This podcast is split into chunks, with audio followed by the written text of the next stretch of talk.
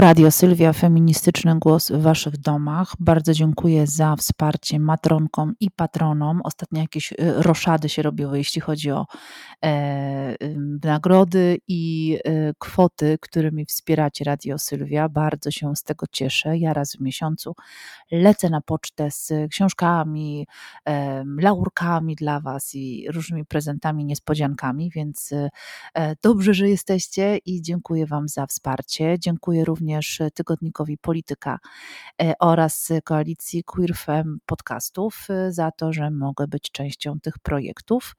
A my dzisiaj prezentujemy odcinek specjalny, zorganizowany, przygotowany wspólnie ze Służewieckim Domem Kultury e, w Warszawie.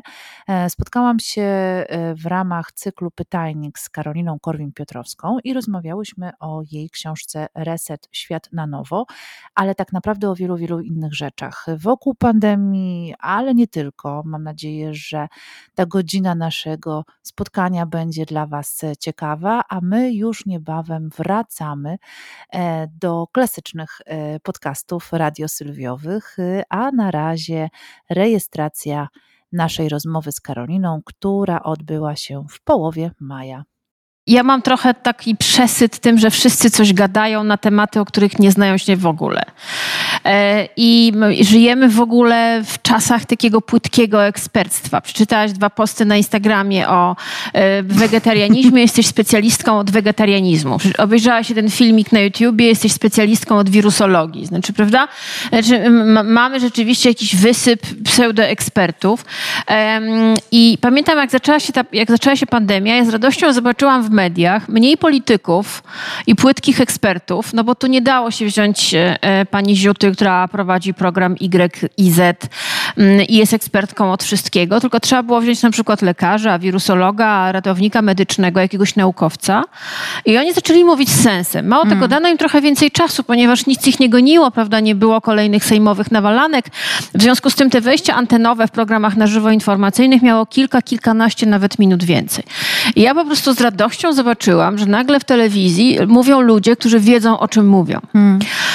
I pomyślałam sobie, że to jest super i że dla mnie to już mogłoby tak zostać. Na zawsze. Na zawsze, absolutnie, ponieważ to jest coś przerażającego, co, z czym my mamy dzisiaj do czynienia. I pomyślałam sobie, że sobie, że zaczęłam zbierać, miałam taki folder na, w komputerze mm, z linkami do fajnych wywiadów. Mhm z ludźmi, którzy mają coś do powiedzenia. Bo też to był taki moment, gdzie zauważ, pamiętasz pewnie, zaczęto pytać mądrych ludzi o to, co oni o tym na ten temat mm. sądzą. No bo to jest gdzieś naturalny, myślę, zwrot człowieka ku innym, którzy wiedzą więcej, przeżyli więcej, mają, nie wiem, przeczytanych więcej książek, mają więcej empirycz, empirycznych doświadczeń, a nie tylko e, przeczytanych, gdzieś tam obejrzanych. To są ludzie, którzy naprawdę coś badają, którzy widzą więcej. Ja, ja mam taką teorię, że są ludzie, że na przykład artyści nas wyprzedzają o wiele lat. E, e, I zaczęto pytać ludzi, mądrych filozofów, pamiętam Olga Tokarczuk, był Ulebek, no masa tego była.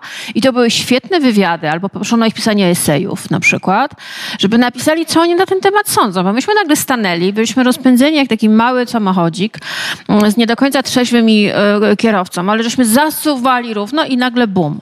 I ja to wszystko sobie zbierałam do jednego folderu um, i pomyślałam sobie, że jeżeli ja bym miała cokolwiek bo wiedziałam, że wybuchnie jakaś literatura pandemiczna na pewno, tak zwana. Mm. Ale pomyślałam sobie, że jeżeli ja bym miała robić cokolwiek, to bym chciała porozmawiać z ludźmi, którzy są dla mnie autorytetami w swoich dziedzinach, o ich dziedzinach. Mm -hmm. Właśnie, żeby iść na przekór temu multitaskingowi po prostu eksperckiemu, prawda? Że w tym tygodniu jestem ekspertem w poniedziałek wegetarianizm, we wtorek małe pieski, w środę dzieci, e, w czwartek katastrofa klimatyczna, teraz jeszcze modna jest Palestyna, Izrael, no po prostu wszystko. I zawsze Smoleńsk. I zawsze Smoleńsk oczywiście.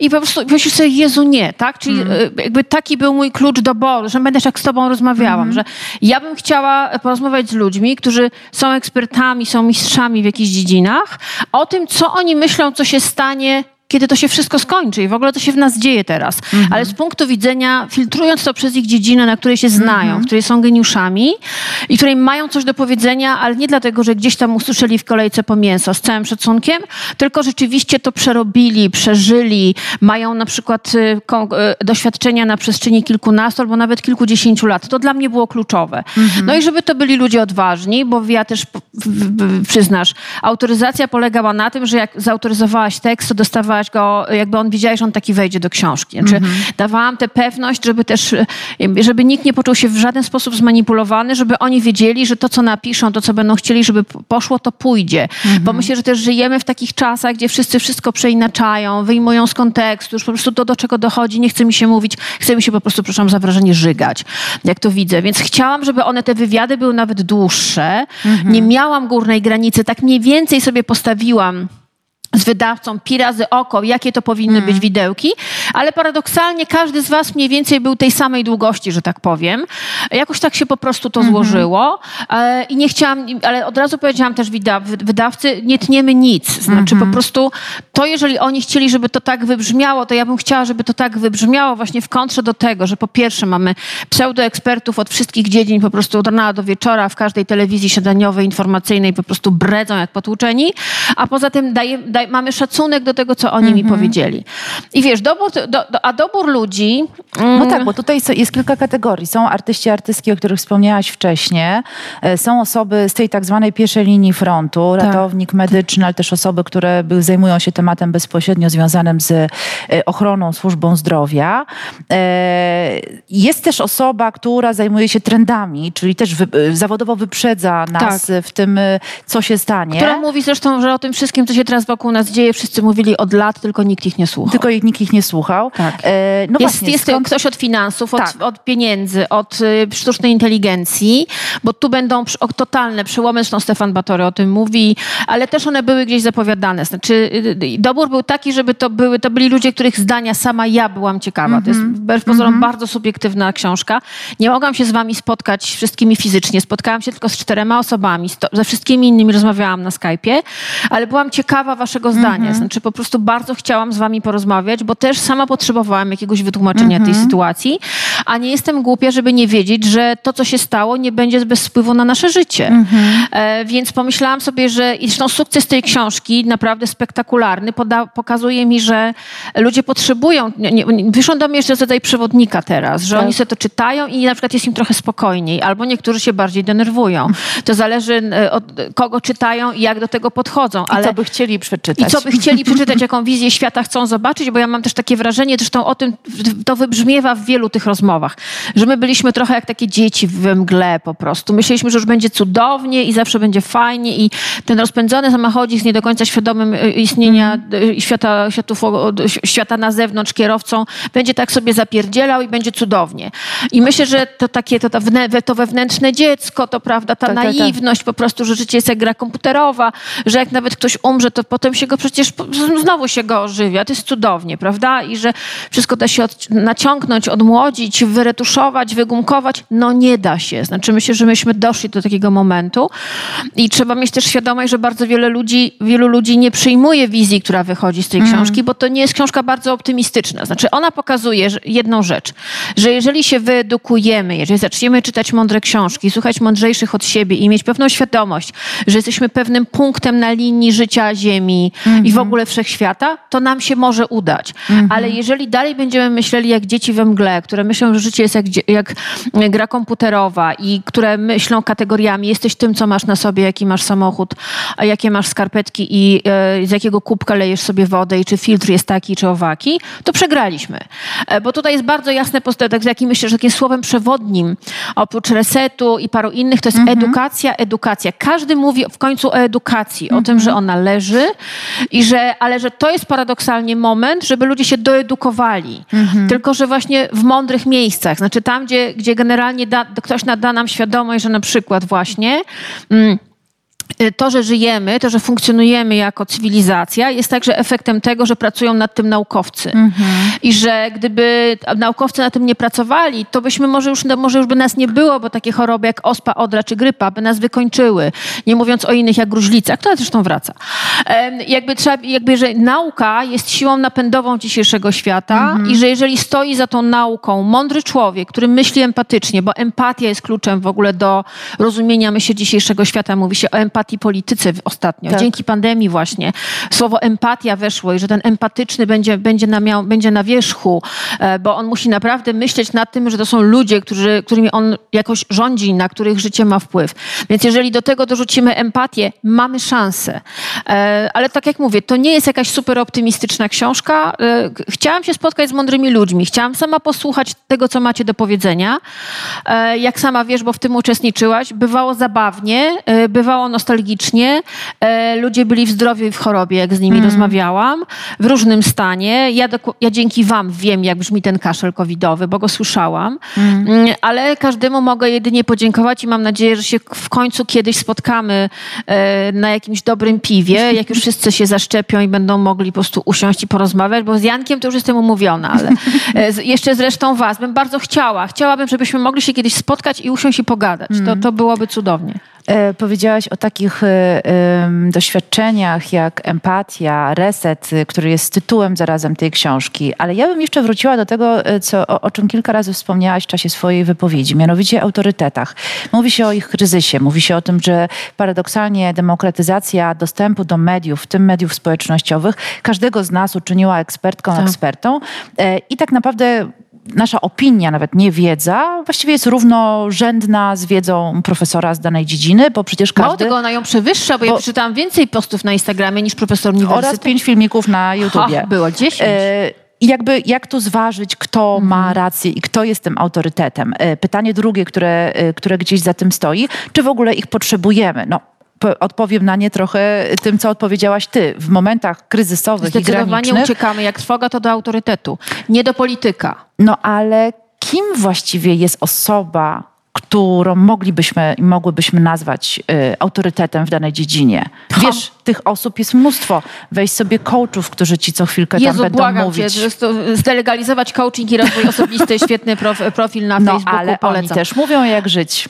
No i wiele osób ich słucha niestety. E, ale wiesz, no jeżeli, znaczy wiesz co, ja też nie chcę tutaj nikogo deprecjonować. Znaczy y, ja uważam... Bardziej chodzi mi o twoją subiektywną Moja ścieżkę, jest taka, bardziej chyba intuicyjną, gdzie szukasz tych autorytetów. Ja szukam ludzi, którzy są... E, wiem, że coś przeżyli naprawdę. Mm. Wiem, że mnie nie oszukują.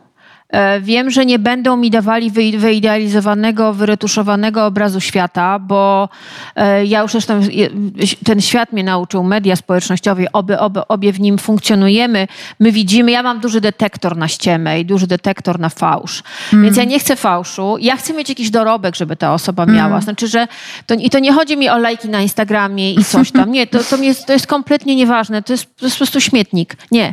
Tu chodzi o coś zupełnie innego. Tu mm. chodzi o coś, co ta osoba, co świadczy o tym, że ta osoba ma mózg, używa go, wie jak go używać w dobrej sprawie i w swojej dziedzinie, w której y, y, y, głosi, że jest ekspertem, mm. naprawdę to jest dowód na to, że ona jest tym ekspertem. Mm. I nie chodzi mi tutaj właśnie, że, czyli to są ludzie, którzy jednak no, mają ze sobą jakąś drogę naukową, zawodową, podpartą konkretnymi osiągnięciami, a nie ilością na przykład właśnie lajków na Instagramie, szerów, łapek w górę, różnych y, dupereli, bo to w dzisiejszym świecie, ja wiem, że niektórzy, niektórych to kręci, y, mnie w ogóle i nie będę za to przepraszała. Znaczy dla mnie ta sława internetowa nie jest wiele warta, aczkolwiek mm. wiem, że mogę ją użyć w dobrym, dobrej mm -hmm. sprawie. Natomiast to nie jest coś, do czego ja przywiązuję jakąś specjalną wagę, nie jest to coś, co mnie podnieca i nie jest to coś, co mnie podnieca też u innych ludzi. Mm -hmm. Znaczy wiesz, no Anka Pięta nie ma milionowego konta na, na Instagramie, ale uważam, że robi świetną robotę w dziedzinie mm -hmm. edukacji edukowania ludzi w sprawach ekologii. Tak i zrównoważonego rozwoju. Gdybym brała tutaj tych ludzi e, pod kątem ich lajków na Instagramie, no to sorry, to może Magda Boczarska by się załapała, cała reszta. Nie, to właśnie widzisz, ja, ja mhm. dobierałam ludzi, bo wiem, że ludzie, z którymi rozmawiałam, przede wszystkim są mądrzy, wiedzą, co mówią, mają na poparcie prawie każdego swojego zdania jakieś doświadczenie, mm. są mi w stanie dać tą słynną bibliografię, o której ty mówisz, tak? To, to musi być. Znaczy, to jest ważne. Znaczy, to, to, to, że ktoś mówi, że obejrzał dwa filmiki, jakiś jeden, jeden, jeden jedne badania, czy gdzieś tam, czy zobaczył jakieś zdjęcie i on już po prostu czuje się ekspertem, no, no błagam, nie, no w moim świecie nie ma miejsca na to. Znaczy ja to ignoruję, staram się, chociaż nie jest to łatwe.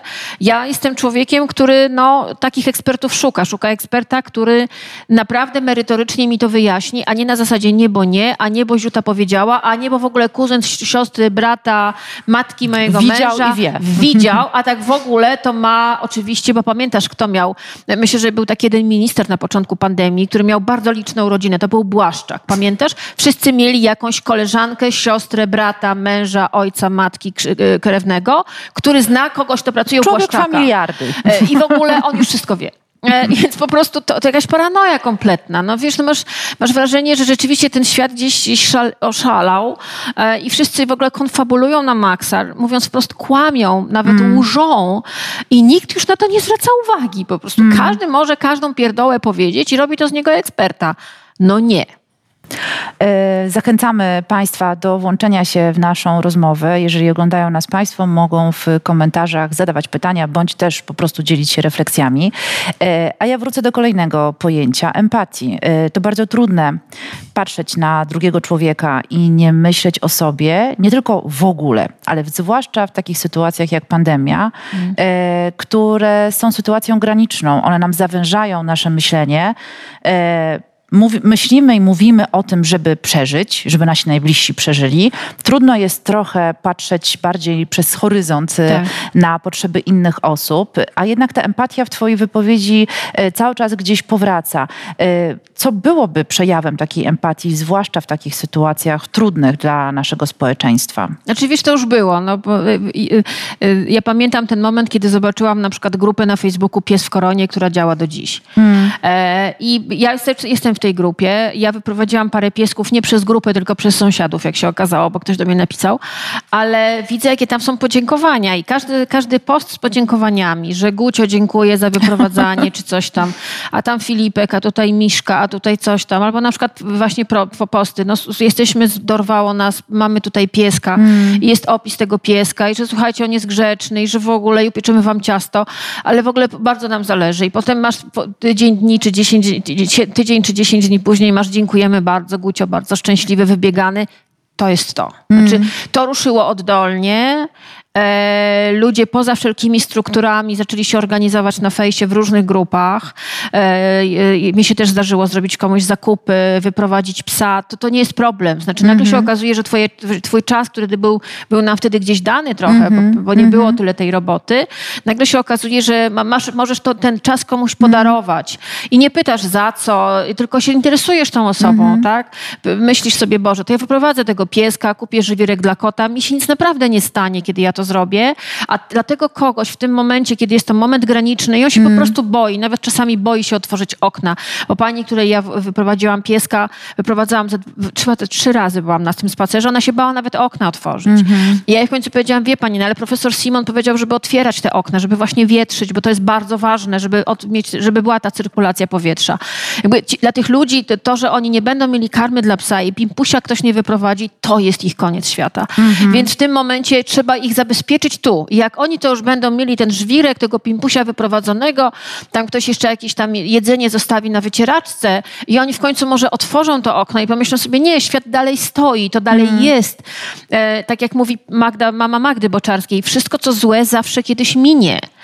Więc trzeba ich zaprogramować na to, tylko tego nie, nie zaprogramujesz, myślę, ich na, na, na to na, nakazowością. Nie, musisz po prostu przede wszystkim im da- im dać te minimalne potrzeby. Tak jak I spokój. I ten spokój, że niech się pani nie boi. Tu jest mój numer telefonu, pani jest na Facebooku, może pani do mnie napisać, albo pan, tu jest taka grupa, tu się może pani odezwać i zaraz ktoś będzie. I rzeczywiście takie sytuacje są.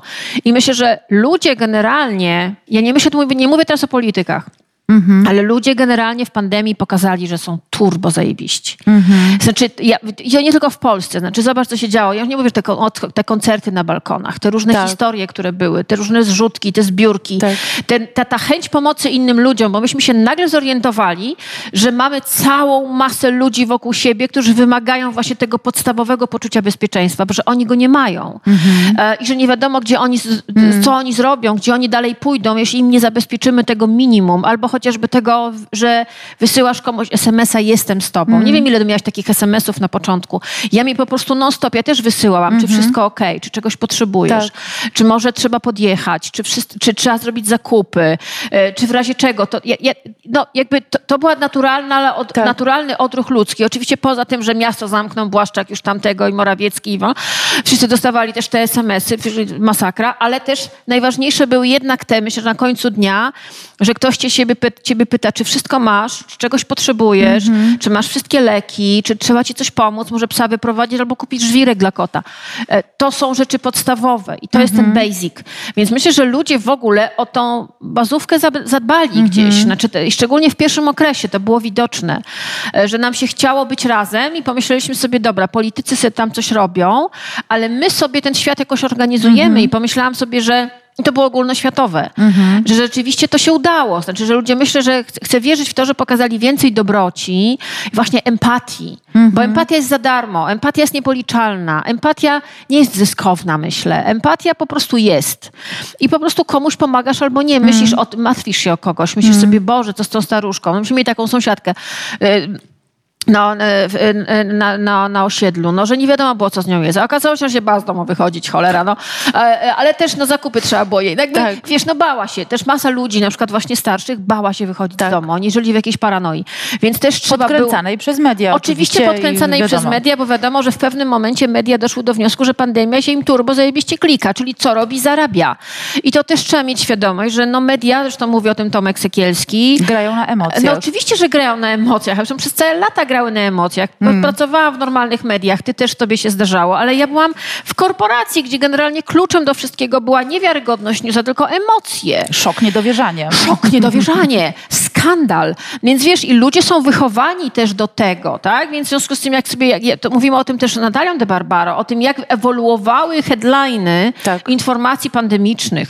No po prostu to, żeśmy to przeżyli, to jest cud Tak. i trzeba sobie codziennie powtarzać, przeżyliśmy to, daliśmy radę, nie daliśmy się chyba do końca wkręcić. Wreszcie powiedziałaś my, bo zwróciłam uwagę, że w tej poprzedniej e, e, wypowiedzi dotyczącej empatii mówiłaś, że trzeba im pomóc, że trzeba ich e, uspokoić. Gdzie ty tu jesteś? To znaczy, co ciebie uspokajało? I na ile brałaś e, z tej ogólnej takiej jakby pozytywnej jednak, e, e, pozytywnego, zwłaszcza przy pierwszej fali takiego no, pospolitego ruszenia, a na ile też sama potrzebowałaś zadbać o siebie w takim sensie uspokojenia się? No wiesz co, ja zaczęłam przed pandemią, Mhm. niedługo przed pandemią terapię, więc dla mnie w ogóle y, spotykałam się z moją terapeutką na Skype'ie, więc y, ja Miałaś byłam parasol. zaopiekowana. Znaczy ja miałam ten parasol, e, zresztą ona mi powiedziała i to mówię w książce, że sobie świetnie poradzi, bo ja się nie zwierzam ze swojego życia, ale ona akurat już to wie, że w moim życiu wojna, druga, trzecia, dziesiąta światowa trwają permanentnie, przynajmniej przez dłuższy czas życia trwały. W związku z tym dla mnie sytuacja kryzysowa, bycia na krawędzi jest sytuacją absolutnie normalną. Więc dla mnie to nie było nic dziwnego. I ja, ja, ja, ja, nie byłam totalnie przerażona. Znaczy, ja rzeczywiście byłam przerażona tym, y, że jako osoba nie do końca zdrowa, No właśnie, o tym mówiłaś em, publicznie. e, Mhm. i ze, ze świadomością, że miałam jedno zapalenie płuc y, w życiu, ono się skończyło śmiercią kliniczną. E, Lata lecą, byłam wtedy dzieckiem. Nie mam za dużych szans na to, Mhm. że jeżeli do, złapie mnie ostra po, po, posta, postać, e, tego cholerstwa, a wtedy jeszcze pamiętajmy w pierwszym lockdownie lekarze nawet nie wiedzieli jak to leczyć w ogóle, Tak. byli kompletnie bezradni, no to, mnie, to, to jakby hmm, mogiła, testament, do widzenia państwu. Znaczy ja po Mhm. prostu miałam bardzo jasną świadomość tego, że ja tego nie przeżyję. Jak to Em, na ciebie działało? W takim życiu codziennym. Wiesz co, ja całe życie żyję w kryzysie zdrowotnym. Ja żyję od Mhm. trzeciego miesiąca życia pod opieką lekarzy e, i żyję i siedzę tutaj z tobą dlatego, że właśnie regularnie robię tak Mhm. zwane przeglądy techniczne. W związku z tym nie mówię, że na mnie to w ogóle nie działało. Mhm. Nawet powiem coś perwersyjnego. To był pewien drive. Mm. Znaczy, bo ja nie jestem z tych, co się dadzą upodlić. Jak mnie ktoś y, kark do ziemi ściąga, to ja mówię, zaraz, moment, że muszę wyprostować plecy. I i jakby to na mnie to tak zadziałało, na przykład, wiesz, na te moje spacery pandemiczne z psami. Ja po prostu, wow, po prostu puste miasto, szalejemy. Znaczy, Wreszcie puste. Wreszcie, w ogóle pusto, w ogóle nie ma samochodów, rewelacja, nikt tutaj y, nam nie, nie zajeżdża drogi, jest fantastycznie i w ogóle mogę chodzić, tak, bo z psami można było. Zakładasz y, tak zwany namordnik na twarz i idziemy w, pa- idziemy w miasto. I było bardzo fajnie, znaczy od tej strony y, to, to było dla mnie każdy dzień był rodzajem wygranej takiej, mm. wiesz. Na, a potem to już nie mówię, że o tym zapomniałam, że stosowałam się do tych mm -hmm. obostrzeń wszystkich e, e, i rzeczywiście myłam ręce i, i dbałam o to, bo mm -hmm. wiedziałam, że to jest to minimum, które mogę zrobić i rzeczywiście unikałam dużych skupisk.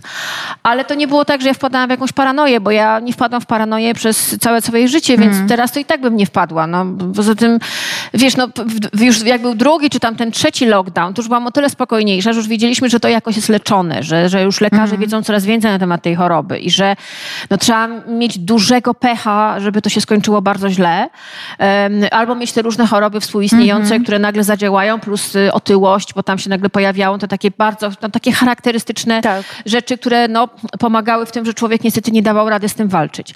E, no, więc jakby ja, jakby ja nigdy nie byłam hipochondryczką, nigdy nie mm. byłam jakoś tak specjalnie, zresztą to jest też mój problem wielki, że ja dopiero od niedawna, i to też wychodzi w terapii, nauczyłam się dbać o siebie w taki sposób, że jak mnie coś boli, to nie myślę, że ja histeryzuję. Ja byłam niestety tak wychowana, taki chów, wiesz, chore dziecko chowa się w taki sposób, że nie histeryzuj, tak? Albo twoja wina. Albo moja wina. Bo więc w tym momencie, się ubrać więc, wiesz, cieplej. Ja też jakby znalazłam taki, przepraszam, że to powiem, ale ta pandemia trafia na taki dobry balans w moim życiu, że jakby ja mhm. miałam świadomość, no, że jak przyjdzie, to przyjdzie, to, to, to módlmy się, tak? E, przysłowiowo, ale no generalnie ja też wiem, jak o siebie zadbać. Znaczy, -hmm. całe życie to robię, nauczyłam się wreszcie pewnych odruchów opiekuńczości wobec siebie samej, mm -hmm. bo ja mhm. mam nad, jestem nadempatyczna, więc mm -hmm. ja, mhm. ja, mam, ja mam odruchy e, opiekuńczości wobec wszystkich. Dlatego nie... ciebie złapałam na tych, że im trzeba pomóc y, tak. i, i spunktowałam ciebie, bo, bo chciałam... Ja tak, i, wiesz, ja mam tak. papiery na nadempatię, mm -hmm. więc wiesz, dla mnie, dla, więc też musiałam uważać, moja terapeutka mówi, nie, nie, dobrze, niech się pani uspokoi tutaj spokojnie, jakby, e, jakby też, bo musiałam, jakby ja to bym natychmiast robiła jakąś akcję pomocową, w ogóle, wiesz, no ale na, spoko, na szczęście tego nie zrobiłam, bo to byłoby też bez sensu, ale mm. no, dla mnie, tak jak ja mówię, e, to, to, nie były wakacje, to, było, to był, no, był bardzo ciekawy stan z perspektywy czasu, bo już minął rok mm. ponad, to, to był bardzo ciekawy moment, taki myślę, że bardzo przełomowy, w bardzo ciekawym momencie mojego życia zawodowego, prywatnego. Jakby wszystko się dość spektakularnie złożyło, muszę przyznać. Mówiłyśmy wcześniej o mediach, również o mediach społecznościowych, w których e, aktywnie działasz. E, patrząc na to, w jaki sposób e, funkcjonujesz w nich, że robisz to na własnych warunkach, a z drugiej strony bardzo często, pewnie chcąc, nie chcąc, pełnisz funkcję edukatorki w wielu tematach, tak. ale też takiej, co daje po łapach i też nie daje sobie wejść no na głowę. Robisz to też intuicyjnie, czy raczej... Wyłącznie. Wyłącznie intuicyjnie, mm. nie mam żadnego planu. E, miałam propozycję, że ktoś mi, ludzie, jakieś firmy chciał mi prowadzić Moonfive fanpage, więc ja generalnie palec wskazujący, fuck off, nie, nie ma takiej opcji. E, to jest wszystko moje. Mm. E, to, to, są, to są moje emocje, moje wybory yy, yy, i moje zasady. Znaczy, to mm. jest mhm. moje podwórko i yy, uczę się też w ogóle tego, jak te media funkcjonują cały czas. -hmm. One permanentnie ewoluują, moim zdaniem. I teraz mamy na przykład. No właśnie, czy to się zmieniło pod wpływem pandemii? Ja miałam poczucie, że ludzie wpadają w jakieś takie wiry czarno-białe, których dotychczas. Nie ma szarości. Aż... Nie ma szarości. Nie ma szarości. Jest albo jesteś z nami, albo jesteś przeciwko nam. No właśnie. Z jak... ostatnich dni historia z Palestyną gdzie ja dostaję wyzwiska, że ja nie podejmuję tematu Palestyny, albo z drugiej strony, że nie podejmuję tematu e, e, e, Izraela i że kim ja w ogóle jestem i że jestem hipokrytką. I, albo symetrystką. Albo jestem symetrystką, czyli do gazu, do piachu wypierdalaj z tego kraju. W ogóle myślisz sobie, a ja odpisałam, przepraszam bardzo, ale ja nie jestem tu ekspertem. Hmm. Nie znam się na tym w ogóle. E, mogę polecić fanpage, które się tym zajmują i, i, są osadzone w tej tematyce. Ja się nie czuję tu ekspertem w ogóle, a koncert życzeń i kibel jest gdzie indziej. To jest moje ulubione określenie. Znaczy, w mediach społecznościowych ludzie są bardzo mm, e, wymagający oni cię zawłaszczają. Co to znaczy? Oni mają y, obraz y, twój we własnej tak, głowie, oni widzą projektują się, na ciebie jakieś projektują rzeczy? rzeczy, które na przykład ja powinnam zrobić, a nie mhm. zrobiłam. A dlaczego pani tego nie ruszy? Ja mówię, bo mi się nie chce, albo nie znam się na tym, albo mhm. nie czuję, albo nie znam człowieka, że podsyłają mi jakieś screeny z różnych tam e, wypowiedzi jakichś celebrytów, niech pani coś z tym zrobi. Ja już, to jest kolejna funkcja. Nie, y, masz coś zrobić. Dozorczyni Elżbieta Facebooka. Jaworowicz, wersja 5.0. No po prostu, czy was pogięło? Znaczy, ja rozumiem, że to wynika z tego, że ja na to mówię, no, potrafię odpisać, to niech pan sobie co, coś z tym zrobi. Znaczy, mm. Nasza siła rażenia tak naprawdę paradoksalnie jest identyczna. Mm. Tylko, że pan to wyśle do mnie i myśli pan, że ja się wystawię specjalnie, bo się panu nie chciało, albo się pan, nie wiem, przestraszył, albo coś tam. Mm. No nie, no chwileczkę, ja mam zbierać całe błoto, bo wam się nie chce? Hello, to nie na tym polega. O tym błocie jeszcze, y, bo to nie tylko polaryzacja, ta zero-jedynkowa opinii, mhm. oczekiwania, projektowanie na ciebie różnych o, tak. rzeczy, tak. ale również zdrowy polski hejt, który, nie wiem jakie ty masz doświadczenia, myślę takie bardziej psychiczne z nim, ale y, dla mnie on potrafi być po prostu rozwalający i jakkolwiek włączam sobie te wszystkie mm, mówienia takie bardzo racjonalne, opanuj się, to nie jest o tobie, y, nie daj sobie zawłaszczyć, tak. właśnie swojego zdania, to gdzieś on we mnie jest i trochę tak jak, nie wiem, woda w piach y, powoli wsiąka. Trochę, tak. E, trochę chcę zapytać o to, jak sobie z tym radzisz, ale jak go też odbierasz e, i jak nim zarządzasz. Znaczy, radzę sobie tak i zarządzam w taki sposób, że wyłączyłam fanpage na Facebooku budowany 9 lat. E, zrobiłam to bodaj w maju zeszłego roku, bo już nie miałam siły. Wyłączyłaś, to znaczy jakby on tam on jest, tam, ale... Nic tam się nie, nie jest publikowane, mhm. e, bo ze względu jego, jego on jest współistnieje trochę z Instagramem, nie mogę tak. go kompletnie wyłączyć. Tak. Ale tam nic nie ma po prostu i tam nic nie będzie. Znaczy nikt mi w to nie wierzył, ale ja to zrobiłam bo po, i to była ulga po prostu absolutnie niewiarygodna, muszę bo przyznać. Bo co, bo tam już było za ostro? Znaczy, wiesz, po, po euforii pierwszych dni pandemii, że jesteśmy razem i będziemy teraz czytać ulubione e, książki, oglądać ulubione filmy, ćwiczyć jogę i uprawiać ogródek, nagle ludzie zaczęli do siebie strzelać. No. Myślę, że też to zauważyłaś. Myśmy chyba tak. wtedy pisały trochę ze sobą, że ty, czy ty widzisz, co się dzieje. Tak. Znaczy, świat zrobił się nagle w, w ciągu paru minut czarno-biały. Bo wszyscy we, zeszli do online'a i teraz wszystkie emocje, również związane z relacjami zla, między ludźmi, zlały się tam. I to był stało koszmar. się to tam. Ja przestałam w ogóle komentować cokolwiek yy, i stwierdziłam, yy, ale widziałam, co się dzieje u mnie na fanpage'u -hmm. i stwierdziłam, że ja nie chcę uczestniczyć w tym. Już nie, że ludzie hejtują mnie, tylko, że oni między sobą tak. zaczynają wchodzić w takie interakcje, za które jest mi wstyd. Mhm. E, I stwierdziłam, że ja tego nie chcę. E, I to, to była pierwsza rzecz. E, przeniosłam wszystko na Instagrama, gdzie jest cudowna opcja wyłączania komentarzy, z której bardzo często korzystam i mm. będę z niej korzystała, ponieważ to jest coś, co natychmiast e, zamyka dyskusję. Mm. To już potem oczywiście możesz też blokować, możesz też wyciszać tak. E, delikwentów, co też jest bardzo miłe i trzeba to czasami robić, bo ludzie między sobą, e, znaczy ja chcę wierzyć, że to nie jest tak, że tam siedzą sami niespełnieni frustraci, samotni, bez pracy, bez kobiety, bez mężczyzny, bez kota, bez psa, bez kanarka, bez życia w ogóle, ale mam wrażenie, że cała masa osób wchodzi do internetu i komentuje różne posty tylko po to, żeby być usłyszanym. Mhm. Żeby zebrać te lajki, żeby nakręcić jakąś kolejną inbę, tak. z której oni będą czerpali emocjonalne korzyści. Taki mhm. wampir emocjonalny, energetyczny, który siedzi w sieci. No ja stawiam tutaj absolutną, e, mówię absolutnie nie, mhm. bo dla mnie to jest koszmarne. To świadczy o dużych niedoborach emocjonalnych. Ja nie mam potrzeby komentowania innych profili, szczególnie inicjowania tam gównoburzy. Natomiast jest cała masa ludzi, która to robi świadomie. Mm. Uwielbia to robić. E, i, I jakby ja tego nie robię, mm. bo uważam, że i, i, dlatego na przykład właśnie wyłączam komentarze. E, Facebook jest prywatny i czasami są posty publiczne, ale nie mogą ich komentować ludzie z zewnątrz. To jest też moja świadoma decyzja, bo też stwierdziłam, że nie, po prostu nie. U mnie mm. tego gówna nie będzie. Najzwyczajniej w świecie kibel jest gdzie indziej. Mm. E, I tak samo jest też gdzie indziej koncert życzeń, tak jak, -hmm. bo to jakby to się wszystko nakłada, tak? Że nie chcę zrobić postu o czymś tam, to w takim razie ta sama osoba potem mi wysyła ty kurwo. I myślę sobie, wow, nie, no świetnie, nie spełniłam swoich oczekiwań, ale też myślę, że podstawowa rzecz, której się trzeba nauczyć w internecie, pierwsza, twoje emocje nikogo nie obchodzą, moje własne, mm. bo oni się nimi podetrą, wyżygają się na nie i tyle z tego będę miała. E, I przede wszystkim nie masz, nie masz obowiązku spełniania czyichkolwiek oczekiwań. Naprawdę. Mm -hmm to jest jedna z podstawowych rzeczy, których się powinno nauczyć dorosłego człowieka, że nie spełniasz oczekiwań innych ludzi, tylko swoje własne wobec siebie. To A jest to... też ciekawe, że ci wejdę w słowo, bo y, oczywiście my jesteśmy teraz na, jakby na Facebooku, więc też o nim dużo op mm. opowiadamy i niby rozmawiamy o mediach społecznościowych, o tym naszym życiu online, które przez ostatni ponad rok właściwie to tylko tam, tam było.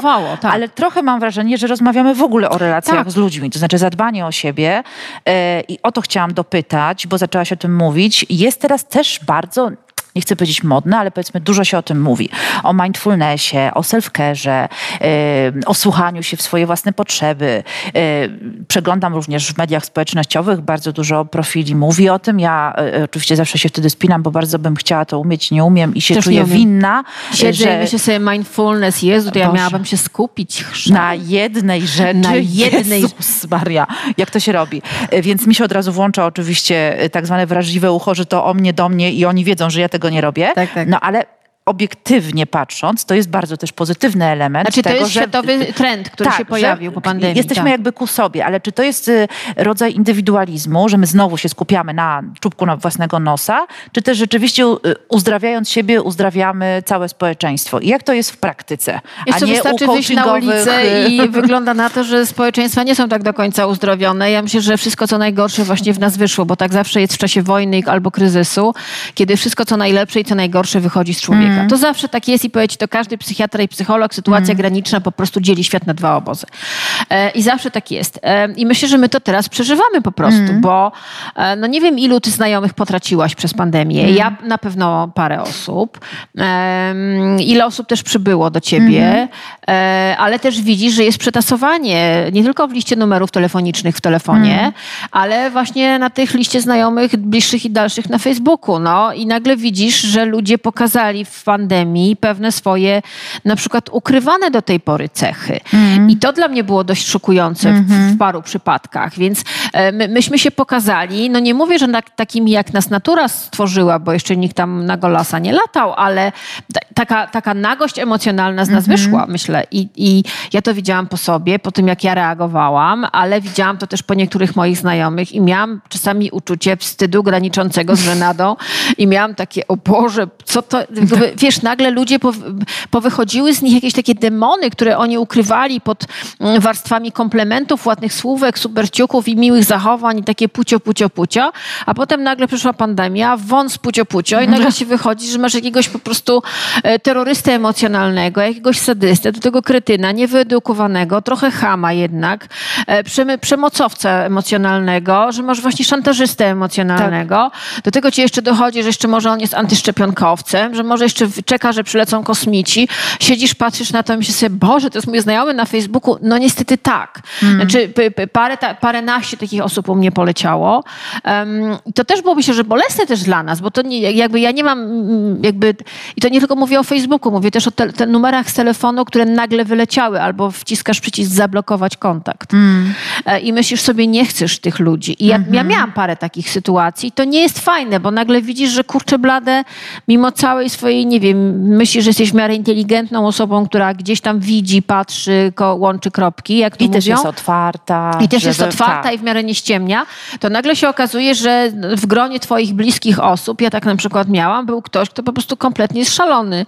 I trzeba było pandemii, żebym się tego dowiedziała. Może to, może to super. Taki test. Znaczy ona stała się rzeczywiście, to jest rzeczywiście totalny banał, co ja teraz mówię, ale jest to prawda. Pandemia stała się testem też na nasze relacje i na mm. nas samych.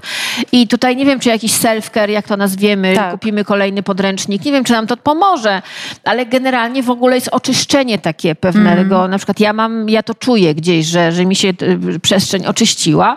E, jeżeli chodzi o znajomych, relacje, może mam ich mniej, ale na pewno wiem, na mm. których mogę polegać. To jest, to jest bezcenne. E, ale myślę, że ludzie pokazali swoją prawdziwą twarz, no bo no, trudno było bawić się w retusze, kiedy siedzieliśmy w tych samych prawie dresach tak.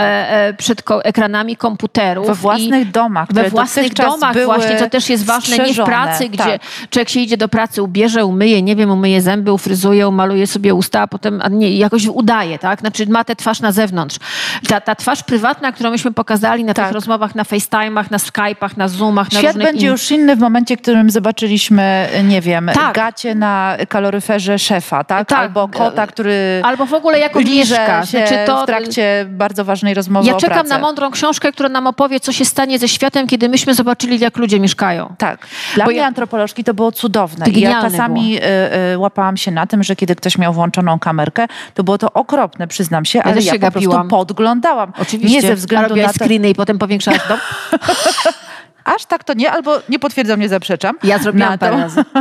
Natomiast to po prostu było bardzo ciekawe z takich właśnie mm, względów, dla których nie wiem, czy ty też tak masz, ale kiedy jest wieczór i świecą się światła w oknach, to ja oczywiście Ja patrzę, jak ludzie mają w domach. Nie, no. Tak, tak. Znaczy to jest cudowne. Ja uwielbiam ludzi patrzeć na przykład właśnie na, na to, na przykład gdzie jest lampa, czy jest na jedna, jedna duża oświetlenia, Tak. czy są małe. Czy mam, r- różne, mam, różne mam patenty, Ale, rzeczywiście, bo to pokazuje też y, y, jakby tą przestrzeń prywatną, która Tak. dotychczas była ukrywana, razem z naszą osobistą przestrzenią była prywatną. Albo e, była właśnie tak, tam w, w tak. wielu filtrach, albo wybierana tylko jakaś tam jedna przestrzeń.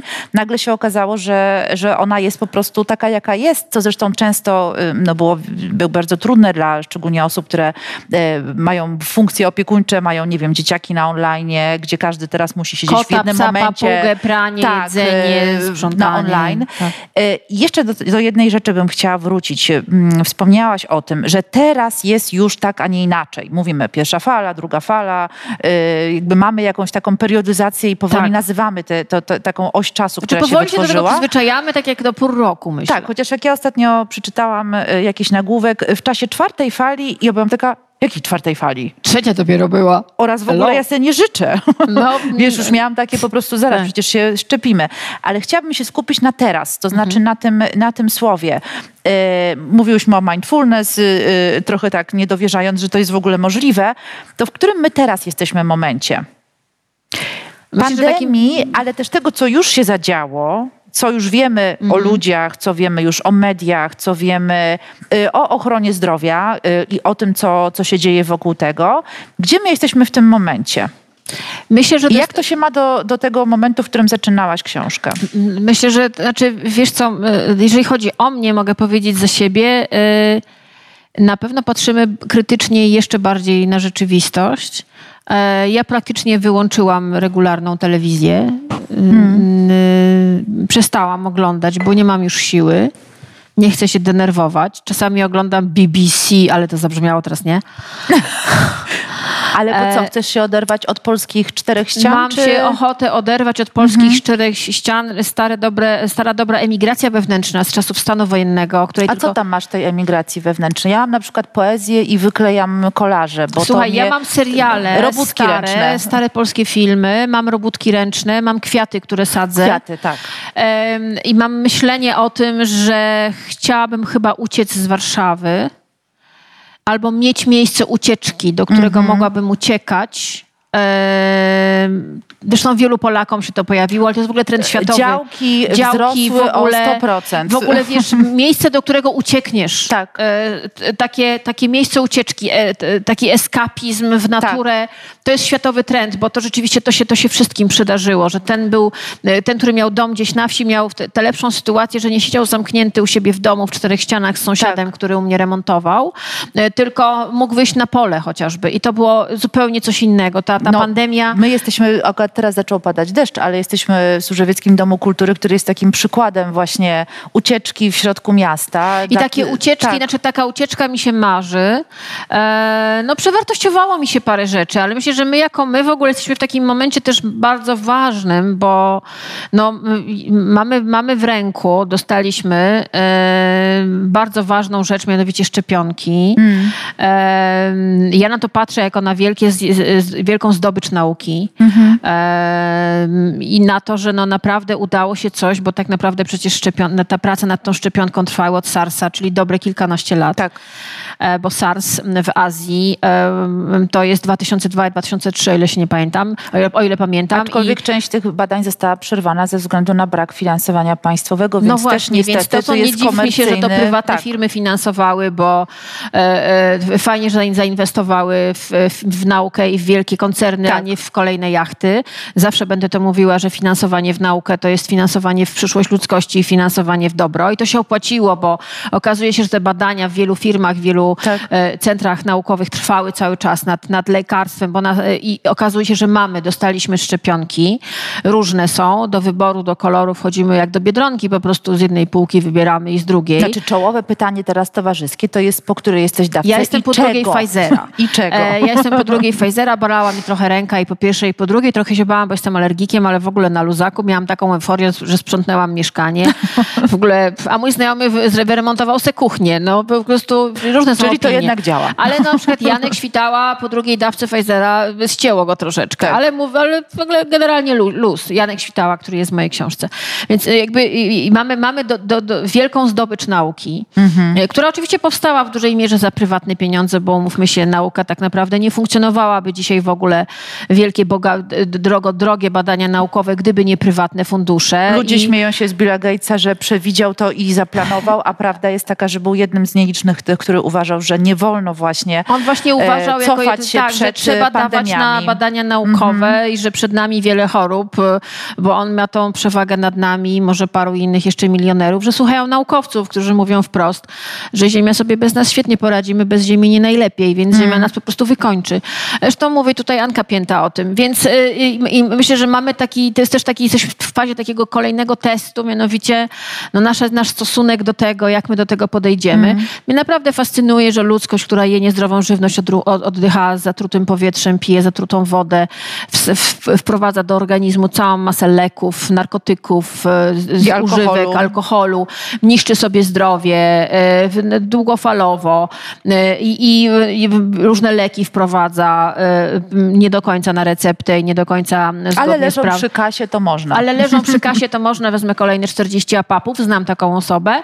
E, No to, że ta ludzkość ma nagle jakiś problem z tym, że mamy coś, co jest tak naprawdę w fazie badań od 2002 i 2003 roku, to sobie myślę, że no naprawdę y, może lepiej, żeby ta ziemia nas wykopała stąd, bo, bo my jesteśmy po prostu jakąś bandą debili. E, e, I i nie, nie, nie chce mi się nad tym już nawet załamywać rąk.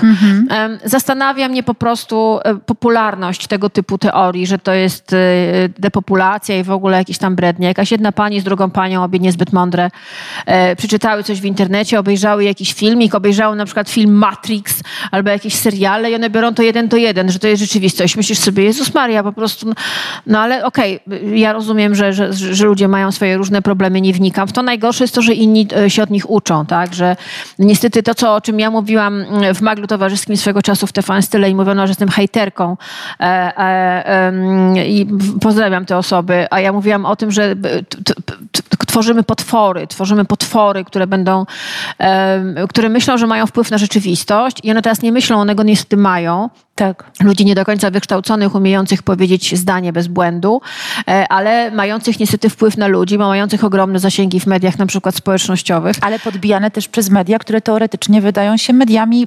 obiektywnymi, a No bo przynajmniej to się poważnymi. klika, no bo klika się, lubisz, y, każdy kliknie w artykuł o kolejnej kretynce, która myśli, że jest wirusologiem. No proszę cię, to się klika, no, no jakby to tak jak... Jest y, jakieś wyjście z tego? Przy zapytam pan tak Wiesz może co, infantylnie, ja- ale... Wiesz co, myślę, że nie ma wyjścia. Znaczy myślę, że zawsze, zawsze byli wątpiący, tak? Mhm. Tylko, że teraz to jest realny, realny ruch, który jest gdzieś tam obecny w polityce, w społeczeństwie, w tych mediach społecznościowych. E, Myślę, że wiesz co, no ja mam nadzieję, że ktoś kiedyś tych ludzi wymyśli jakiś, pat, wymyśli jakiś patent i wymyśli jakiś zbiorowy pozew do sądu dla, za Mm. nich. Bo myślę, że oni mają krew na rękach i trzeba o tym po prostu mówić. To są mordercy najzwyczajniej w świecie. E, e, i, I tyle. No. Czy Mm. wiesz co, mi w bliskim otoczeniu zmarły dwie osoby. Ja mam, miałam kilku znajomych bardzo poważnie chorych. Ty też pewnie. Moim Miałaś babcię, otoczeniu, która, tak, która, y, która przeżyła, co Przeżyła, ale bardzo cudem. mówisz o tym w tej książce. E, tak, kiedy przed naszą rozmową dziś po- sobie przypominałam tę książkę, trafiłam również na rozmowę i so, przypominałam sobie, w którym momencie życia i pandemii byłam wtedy, kiedy z tobą rozmawiałam. No to było E, bardzo źle, bo ty wtedy było nie bardzo wiedziałaś źle, w ogóle. było tragicznie. Babcia przeżyła COVID, ale co jest bardzo ciekawe, jedna z jej koleżanek e, ma czelność e, mówić jej o tym, że COVID nie istnieje. Oczywiście. I e, ja już nie chciałam babci jakby mm, denerwować, że jakoś tak wnikając to, jak to właściwie jest możliwe, ale ten przykład powiem ci, że mną wstrząsnął, bo Mhm. jakkolwiek nie jestem naiwna i żyję to już trochę wiedząc, że ludzie naprawdę nie takie rzeczy sobie robili i ludzie ludziom zgotowali ten los, o tyle mam poczucie jakiegoś absurdalnego odklejenia się od y, każdej rzeczywistości i w momencie, w którym y, zaczynasz właśnie sięgać sięgać po argumenty, te mhm. bibliografie, o których wspomniałaś. Starasz się na wyżyny, tu po prostu na, na podstawie książki, szklanki i filiżanki przedstawić wirusologię, żeby ludzie zrozumieli. Ktoś mówi, ale to nie istnieje. To nie istnieje, I to jest wymysłem, mi, to jest to depopulacja, jest. bo to było w filmie Matrix, e, bo to jest jakaś energia, bo to jest Jezus, kryształy, oregano i, I olejki konopne e, z, z, z, kodem minus 10% na hasło Ziuta. E, znaczy, Polecamy. To, zajebiście. Znaczy, wiesz co, no, no, do mnie też ludzie piszą, że ja się sprzedałam i dostałam pieniądze za to, że się zaszczepiłam. No bardzo bym chciała dostać jakieś pieniądze ekstra, no niestety nie zdarzyło się. Znaczy, wiesz co, myślę, że trzeba to przeżyć po prostu. Mm. Znaczy, mam nadzieję, że dojdziemy do takiego momentu, że ta broń zostanie im wytrącona z ręki, bo jakoś to będzie normalnie. Chociaż trochę się tego obawiam, jak to, jak to będzie dalej trwało, bo wiesz, no ile jest wyszczepione? 40%, tak? tak? No to brakuje nie nam mamy jeszcze sporo do -hmm. odporności zbiorowej, no a potem oni będą pasożytować na naszej odporności. No nie, nie, nie, ma wyjścia najzwyczajniej w świecie. A jak to jest, jeśli chodzi o odporność indywidualną? Myślę o odporności psychicznej. Trochę mówimy o, o osobach, -hmm. które nas y, irytują, które uważamy, że, że robią złe rzeczy, nie tylko nam, ale przede wszystkim jakby w tej wspólnocie, którą tworzymy i o tym pandemia też jest w dużej mierze, właśnie no jest o tej o tym, wspólnocie. że jesteśmy dość gówniani jako społeczeństwo i nie potrafimy y myśleć globalnie. I no. empatycznie, jak już tak. Y, o tym rozmawiałyśmy. Tym powiedziałaś trochę o tym, jak radzisz sobie z hejtem, jak radzisz sobie też z tym, że ludzie mają wobec ciebie jakieś oczekiwania, ale jeszcze chwilkę chciałabym y, podrążyć ten temat, to znaczy o tej odporności indywidualnej, na której szczepionkę możemy same sobie tylko mhm. wymyślić. Mhm. To, to znaczy oczywiście na podstawie, nie wiem, rozmów, naszego doświadczenia, jakichś lektur, wiadomo, ale czerpać też z siebie. Mm, ja często nazywam jakiś taki mój kręgosłup moralny, który sobie wykształciłam, który ratuje mnie w sytuacjach, w których ja nie wiem, co mam zrobić. Mhm. Jeżeli jestem na jakimś rozstaju, to wiem, gdzie mogę sięgnąć i szybko uzyskać odpowiedź sama od siebie. Często nazywamy to też intuicją. Na przykład mówimy, coś mi się od początku nie podobało tak, w tej tak, osobie. Tak, tak. Ja tak y, Tam mi alarm wi, po tak, prostu... Dzwonią wszystkie lampki. Tak, a ty idziesz, bo a może tak, będzie tak. tym razem lepiej. Y, czy masz takie przez lata wykształcone właśnie szczepionki indywidualne, y, odporności na na głupotę, ale też na niewdzięczność ja unikam, ludzi. Unikam, e, wyrzucam, e, nie rozkminiam. Kiedyś rozkminiałam dłużej, dlaczego się coś stało. E, teraz po prostu... Dlaczego ja? Dla, tak, dlaczego ja? Co ja takiego zrobiłam? Boże! Ja to zawsze miałam tak, ja zadzwonię i ja to wyjaśnię. Wiesz co, miałam To nie jakiś... może tak być. Przecież nie. ja miałam co innego na myśli. Nie, wiesz co, mi się nawet nie chce już teraz tracić No mi energii. też już nie. Już mi przeszło. Znaczy, wiesz Bo to co? przechodzi, bo co? Bo już jesteśmy starsze, bo, bo jesteśmy starsze, bo jesteśmy mądrzejsze, bo miałyśmy parę takich historii za sobą mm -hmm. i już wiemy, że pewien schemat się powtarza. Pewien scenariusz jest boleśnie powtarzalny tak. E, i po prostu no, to nie jest tak, że kogoś zmienisz, bo ty tak chcesz. Ten ktoś musi się chcieć zmienić albo no, generalnie to musi być jakaś wspólna praca. To, to różnie bywa. To dotyczy relacji damsko-męskich, męsko-męskich, damsko-damskich, ale też relacji w rodzinie. Ale w rodzinie, tak. wśród przyjaciół, w pracy. Znaczy, e, ja się też tego w terapii nauczyłam, żeby to zlewać. Znaczy, mm -hmm. żeby nie, żeby powiedzieć sobie takie su super zdanie. No przecież to nie jest pani życie, tak? Tak. No to co się pani nim przejmuje? Pani się sobą będzie przejmować. Jakby dla mnie to jest... Tak. Ja nie mam na to wpływu. To, że ktoś jest taki, jaki jest, ja nie mam na to wpływu. Ja też kiedyś byłam taką większą siłaczką, taką, wiesz, co bym tak chciała... Warto rozmawiać. Porozmawiać. Tak. Nie, jak ktoś nie chce rozmawiać, to wy... No. Ale proste. Znaczy po prostu nie, to jakby tego się nauczyłam i wiesz co, bardzo mi to pomaga. Mm. Znaczy, bo też masz różne sytuacje w zawo, w pracy, nie, nie tylko tak. w kontekście pandemii, ale w ogóle w pracy, w życiu. I myślisz sobie, i ja też miałam coś takiego, że nie, no przecież no, to nie może być... To jest być... praca emocjonalna, bo ty siadasz z tymi ludźmi i choć oni nie chcą, to ich teraz będziesz tutaj tak, ale, no, ale czy, czy oni tego chcą? Jeżeli no oni nie. tego nie chcą, to dlaczego ty masz być tą siłaczką? Dlaczego tak. masz marnować swoją energię na coś, co po prostu jest bez sensu? Ja nie mam na to wpływu to spadaj. No nie, to po prostu koniec. Nie, nie, nie, nie, nie będę się tym przejmować, więc y, nauczyłam się całą masą rzeczy nie przejmować i wierz mi, naprawdę mój poziom wywalenia na wiele rzeczy jest rekordowy. Zawsze był dość duży, ale nawet ci, którzy mnie znają, patrzą i mówią, Boże, co ty bierzesz? Po prostu, bo, bo rzeczywiście mam takie, nie interesuje mnie to, nie mam na to wpływu i to też tak naprawdę, dopóki ja nie mam na to wpływu i sobie nie, nie, nie, nie wbiję tego do głowy, to ta, ta, ta druga strona nie ma wpływu na mnie. Hmm. I po prostu niech sobie żyją. Nie, nie, ktoś niech sobie żyje, niech sobie funkcjonuje, byle daleko ode mnie. Gorzej, kiedy ktoś mnie wywołuje do tablicy. Tak. Wtedy ja odbijam fangę w nos. Nie, bo po prostu nie, bo ja nie mam napisane na czole Jezus, Matka Teresa, whatever, święta. Nie. Siłaczka. Siłaczka. Nie, nie ma. Fuck you. Nie, po prostu y, w tym momencie odbijam tę fangę i odbijam boleśnie i potrafię być brutalna, e, bo po prostu też stawiam swoje granice. Mm. I nie mam napisane poduszka do bicia. Nie, też nie mam napisane tego na czole. Mm, I nie mam ochoty cierpieć za miliony. Mm. A myślę, że też to trochę byłam trochę tak wychowana i też tak trochę mi z empatii, z emocji wynika, że ja jestem trochę taka właśnie z tych, co by za, za miliony chciały pocierpieć. Na szczęście mam na to wywalone. Już nie cierpię. To jest chyba dobra puenta naszej rozmowy, Myślę, bo zaczęłyśmy od resetu, resetu świata, y, ale też resetu relacji, pewnych y, oczekiwań względem świata, a skończyłyśmy, jak rozumiem, na resecie też takim bardzo indywidualnym, wsobnym, dotyczącym No na tego... pozbawieniu się też złudzeń co do Tak. pewnych sytuacji, co do pewnych relacji, pewnych miejsc, pewnych kontaktów. No, my lubimy kochać, my lubimy żyć złudzeniami. Tak jak lubimy oglądać telenowele, płaczemy na filmach, wzruszamy się, w książ- jak czytamy książki. Lubimy żyć czasem życiem innych ludzi. Lubimy żyć życiem wymyślonym. I to jest super, bo to nam pozwoli uciekać, to nam pozwala przemyśleć pewne rzeczy, ale za dużo to niezdrowo. I, I po prostu pewnego dnia trzeba powiedzieć, dobra, sprzątam tę szafę, wyrzucam te ubrania, e, e, wyrzucam te rzeczy, czy, czyszczę, te, czyszczę tę przestrzeń. Niech to się nazywa, jak się nazywa, mindfulness, whatever. Ja sobie robię dobre życie. I myślę, że ten czas jest o tyle też ciekawy dla nas. Ja go sobie tak próbuję przebudować, że ja sobie robię dobre życie i tak jak powiedziałam sobie w dniu moich urodzin, druga połowa mojego życia będzie zajebista. Czego sobie i Państwu życzymy. Dokładnie.